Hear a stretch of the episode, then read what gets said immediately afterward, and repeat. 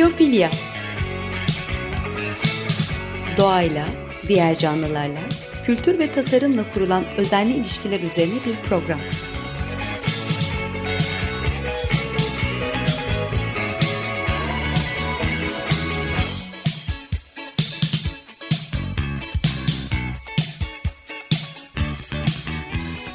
Hazırlayan ve sunan Nurhan Healer.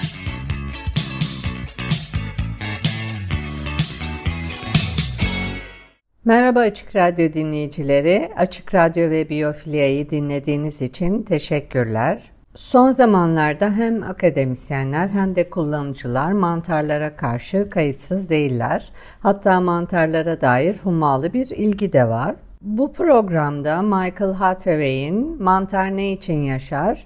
What a Mushroom Lives For kitabından bahsedeceğim.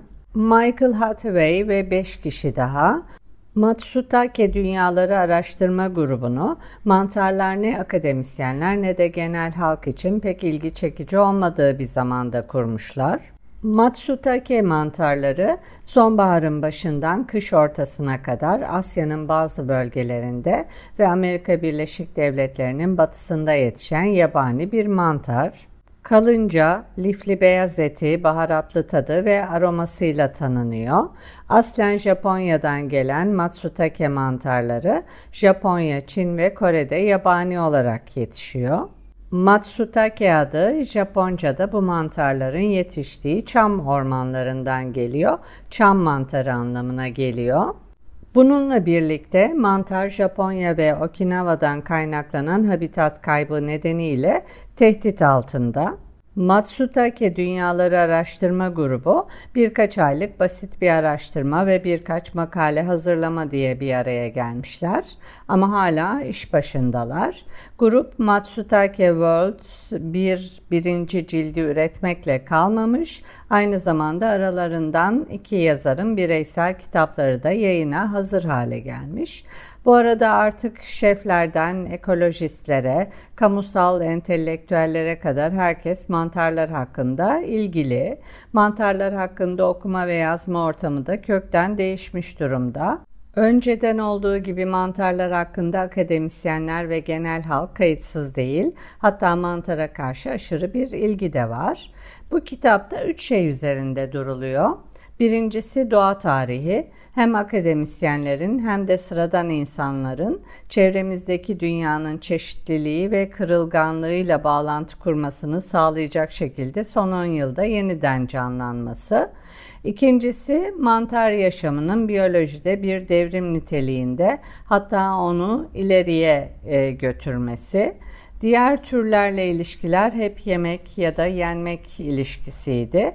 Bugün bu görüş arkaik görünüyor. Türler arası her türlü ilişki göz ardı edilmiş gibiydi. Ancak çoğu organizmanın diğer türlerle işbirliği yapmadan kendi kendine gelişmeyeceği ortaya çıktı. Örneğin en basiti bağırsak bakterileri olmadan yiyeceklerimizi sindiremiyoruz. Mantarlar özellikle bitkilerle etkileşim halinde olan mantarlar bu bilimsel dönüşümün tam da ortasındalar. Bu mantarlar bitkilere su ve besin sağlıyorlar. Ee, bazı bilim adamları ağaçların orman oluşturabilmesini karşılıklı mantarlardan destek alıp vermelerine bağlıyor.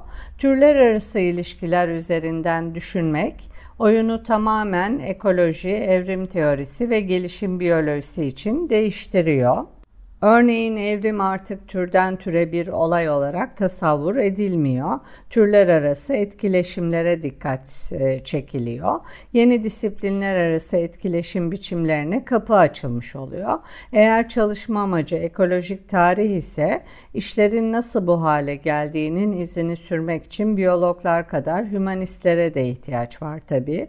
Beşeri bilimler ve doğa bilimleri arasında yeni işbirliği yolları görünür hale gelmiş durumda. Yine mantarlar bu açılımın merkezindeler. Varlıkları sosyal karşılaşmalarla düşünmek faydalı. Hathaway mantarların böceklerle, toprak mineralleriyle ve ağaç kökleriyle hatta bazen insanlarla ilişki kurarak yaşamları oluşturduğu konusunda ısrarcı. Mantar toplayıcıları insan olmayan canlıları bile konmuyor bazen. Toplayıcılar mantarları aramak için böceklerle işbirliği bile yapıyorlar. Hatebey'in açıkladığı gibi Matsutake'nin pahalı, büyük ve aromatik meyve gövdeleri göz önüne alındığında bile mantarların çoğu asla insanlar tarafından bulunamazlar. Yine de onlar dünyalar yaratabiliyorlar. Hatebey'in kitabının ikinci yarısı insanı Güneybatı Çin'e ve Matsutake mantarlarının rol oynadığı insan ve insan olmayanların tarihlerine götürüyor.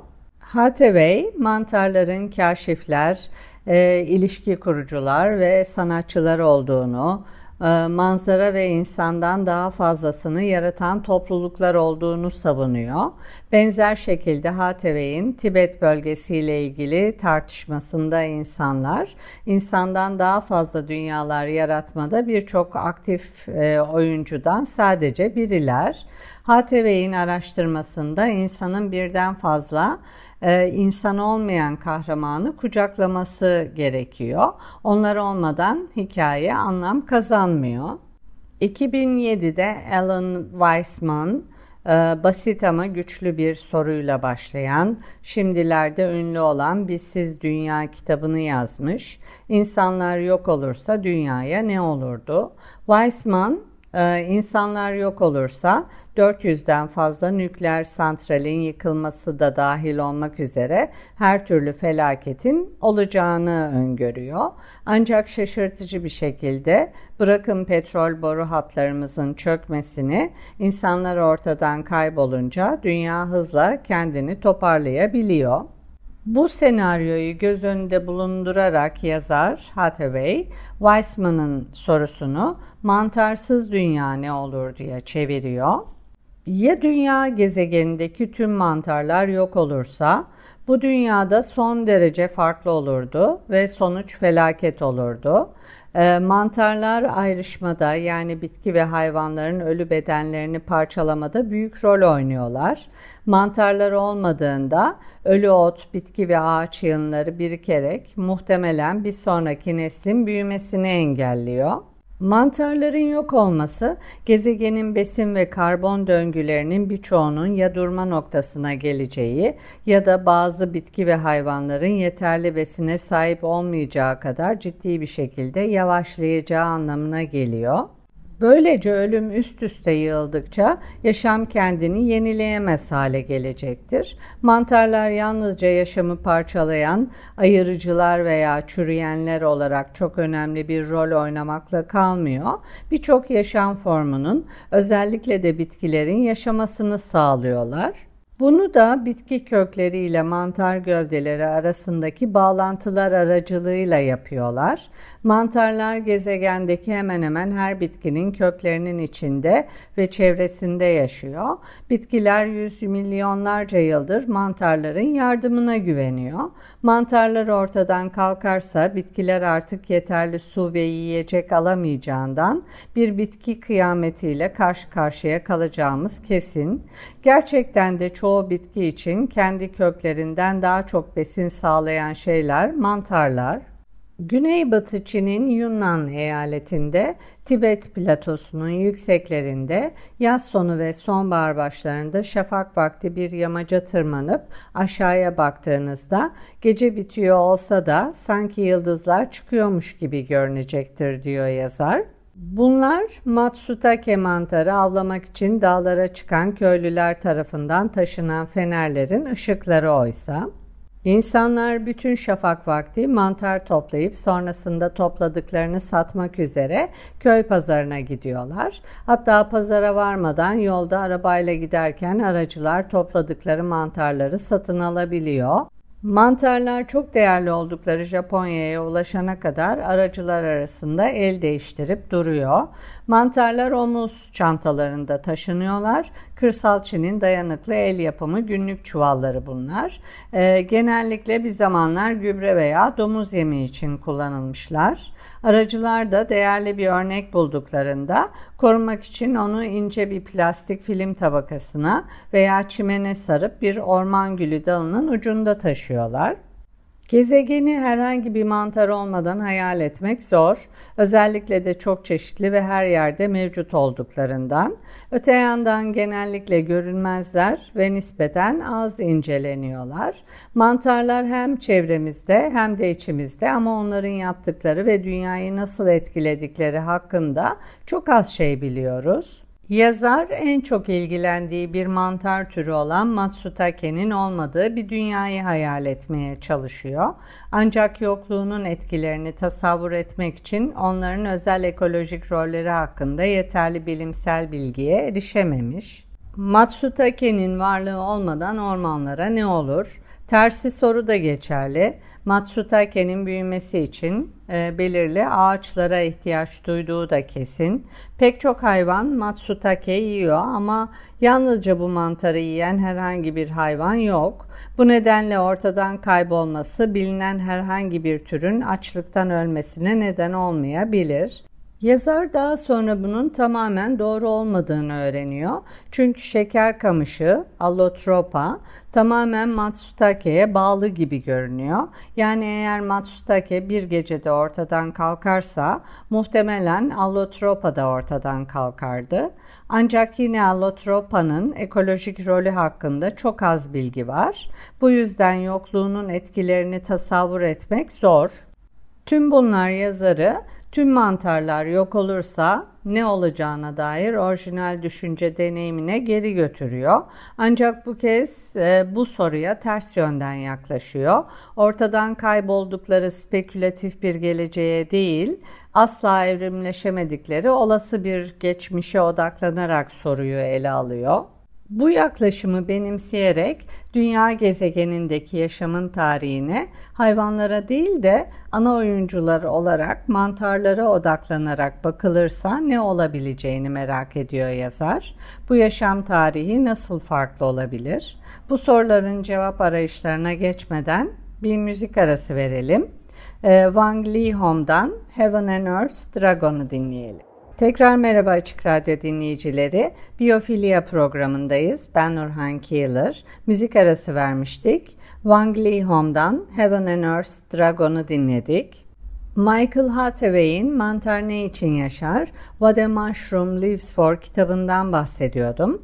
Tüm mantarlar yok olursa ne olacağına dair bir sorusu vardı yazarın. Bu soruya bir de şu açıdan yaklaşıyor. Ortadan kayboldukları spekülatif bir gelecek değil de asla evrimleşemedikleri olası bir geçmiş olsa durum ne olurdu? Bu yaklaşımla dünya yaşam tarihine hayvanlara değil de ana oyuncular olarak mantarlara odaklanarak bakılırsa ne olabileceğini merak ediyor yazar. Bu yaşam tarihi nasıl farklı olabilirdi? Birincisi böyle bir değişim, dünyayı mümkün kılan ancak çok az bilinen bazı kritik ilişkileri ortaya çıkarabilir. İkincisi ve belki de en önemlisi mantar merkezli bir görüş, biyologların yaşamı açıklamak için kullandıkları bazı baskın temel görüşleri yeniden yapılandırabilir. Örneğin yaşam açıklamaları en uygun olanın hayatta kalmasına vurgu yapıyor. Victoria döneminin diş ve pençeleri kan kırmızısı doğa görüşüne dayanan bu yaşam kavramı ilk olarak Darwin'in 1860'lardaki yazılarında bilimsel bir iddia olarak dile getirilmişti. Bir asırdan fazladır bu tür perspektifler güçlü olmaya devam ediyor. 1980'lerde spiker David Attenborough e, otoriter yaşlı İngiliz sesiyle dramatik sahneleri acımasız bir hayatta kalma savaşı olarak anlatıyordu. Bu tür programlar son derece rekabetçi bir doğa vizyonunu teşvik ettiler. Bu vizyon özellikle bakteri ve yer mantarı gibi diğer türlerle yakın bir şekilde çalışmış olan birkaç ekolojist tarafından giderek daha fazla sorgulanmaya başladı. Hayvanlar ve bakteriler arasındaki yakın ilişkiler artık büyük harflerle yazılmaya başladı. Yazar mantar merkezli anlatımında türler arası karmaşık ilişkilerin önemini vurguluyor.